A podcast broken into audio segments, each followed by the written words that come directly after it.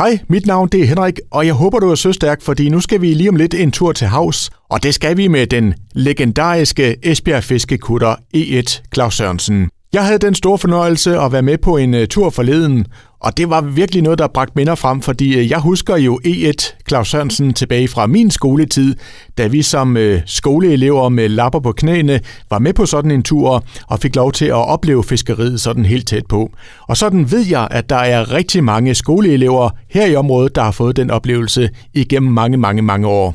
Nu har E1 Claus Sørensen så været på land i to år, og jeg fik mig en snak med Richard Bølund, der er museumsinspektør hos Fiskeri- og Søfartsmuseet, og her gav han forklaringen på hvorfor. Jamen, vi har haft den på værft nu i to år, og årsagen til det var primært, at, øh, at vi havde en maskinskade på den.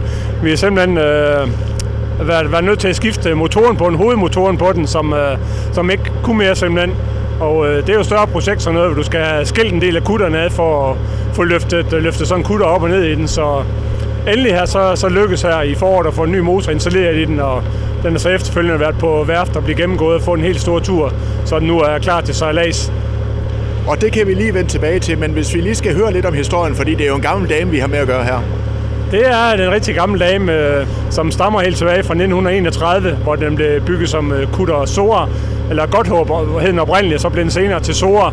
Og øh, så en sejlelse øh, som fiskkutter i Esbjerg, som snovorskutter i rigtig, rigtig mange år, helt indtil 1978, øh, hvor museet så overtog den og har haft den øh, til, til turist- og skolesejlads lige siden. Og øh, den er opkaldt efter den navnkundige direktør Claus Sørensen, som øh, var en af Esbjerg Fiskeriets forgangsmænd, og som har været en meget driftig person på havnen og været med til at etablere øh, mange af byens store virksomheder.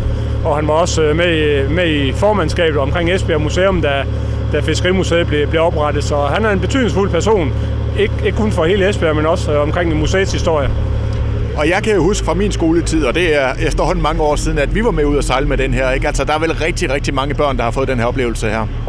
Jeg tror ikke, man kan snakke med ret mange, som er opvokset og gået i skole i Esbjerg, som ikke har et eller andet minde, øh, enten fra kutteren eller fra Fiskerimuseet, men jeg tror, de fleste også har været en tur med omkring kutteren, og, og det er noget af det, som brænder sig ind i, i hukommelsen på børn, det er at, at komme med ud, og især at komme ud på fisketur og være med til at smide travlt og se, hvad, hvilket liv der kommer op ned fra havbunden, og stå og undersøge den der kasse på dækket bagefter. Det, det, det er noget, mange kan huske. Ja.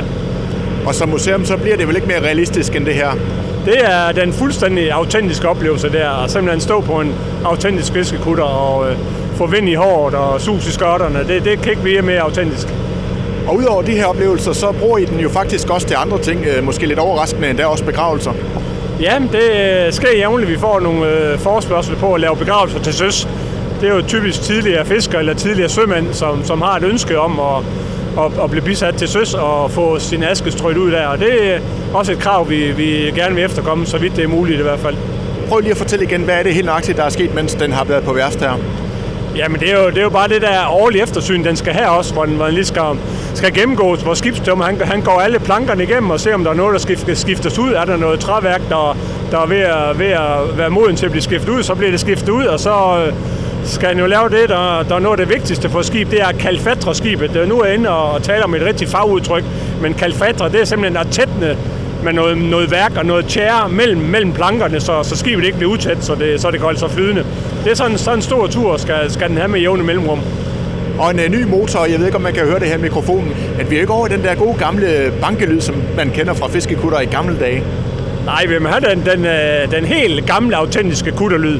Så må man en tur ud på Fiskeri Søfartsmuseet. Der har vi jo hver onsdag tre af de gamle motorer kørende ude. Vi har en hundesæde, en tuksam og en Greno-motor, som vores motorlag derude, som også kører på frivillig basis.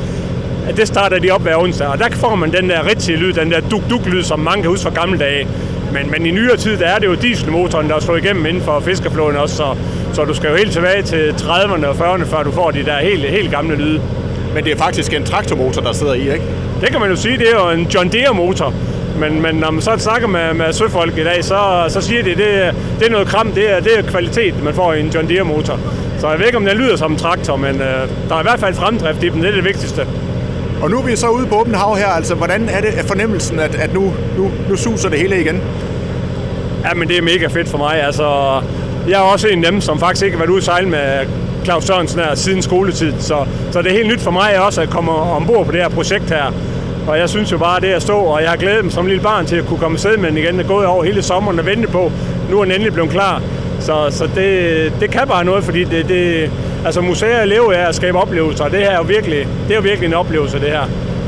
Men altså, så kan man så sige, at timingen er måske ikke helt god, fordi nu slutter sæsonen jo faktisk, øh, så det er jo det, vi er ude på, er jo faktisk en af de sidste ture i år. Ja, altså vi har jo været inde i, i lidt horribel år, kan man sige, ikke? også, hvor alting er blevet udskudt og forsinket. Ikke? Også? Og det har jo selvfølgelig også ramt det her projekt, at vi ikke kom, kom i søen så tidligt, som vi havde håbet på.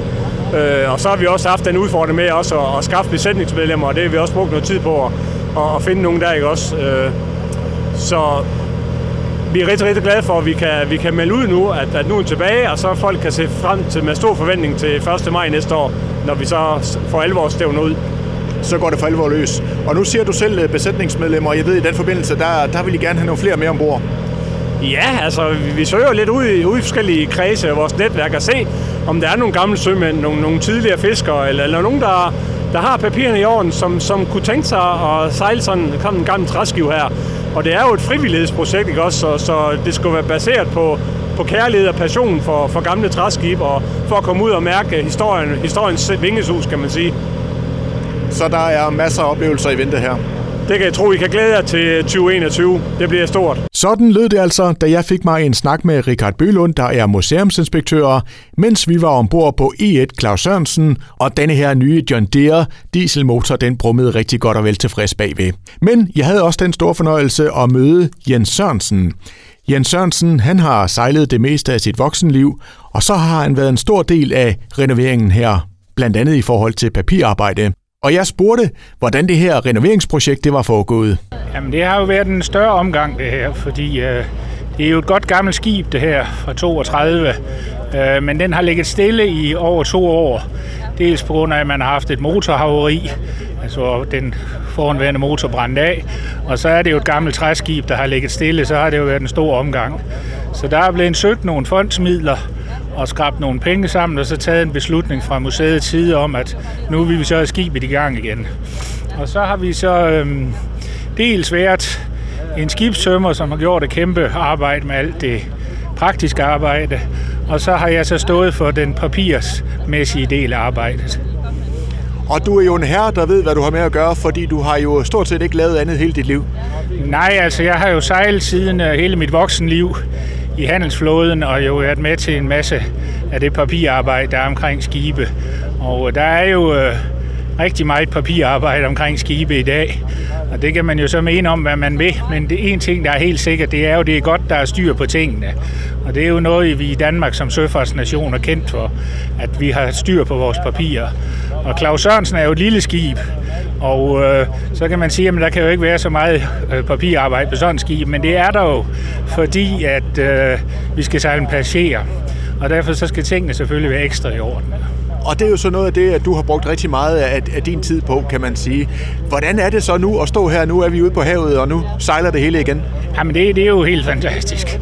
Det har jeg jo set frem til. Altså, jeg har jo arbejdet med det i cirka fire måneder. Og en ting, der har været fantastisk, det er, at nu lykkes for os. Men en ting er jo også, at vi har mødt en utrolig velvilje fra øh, Esbjerg Havn, Esbjerg By. Øh, jeg kunne nævne en masse øh, forskellige virksomheder, som har hjulpet os. Øh, mange ting har vi fået ganske gratis eller til favorable priser. Nogle har lavet kæmpe arbejde for os. Så, altså overalt, hvor vi har bedt om hjælp, har vi fået det. Og derfor har det jo så kunne lade sig gøre jo.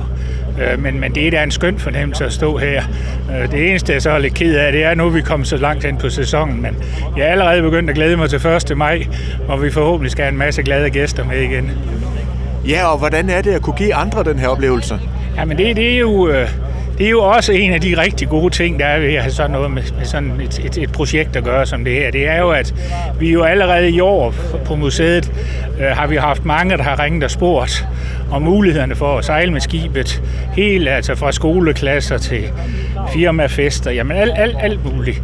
Øh, og der har vi jo måttet desværre sige nej, fordi vi har ikke haft et skib, der var sejlklar.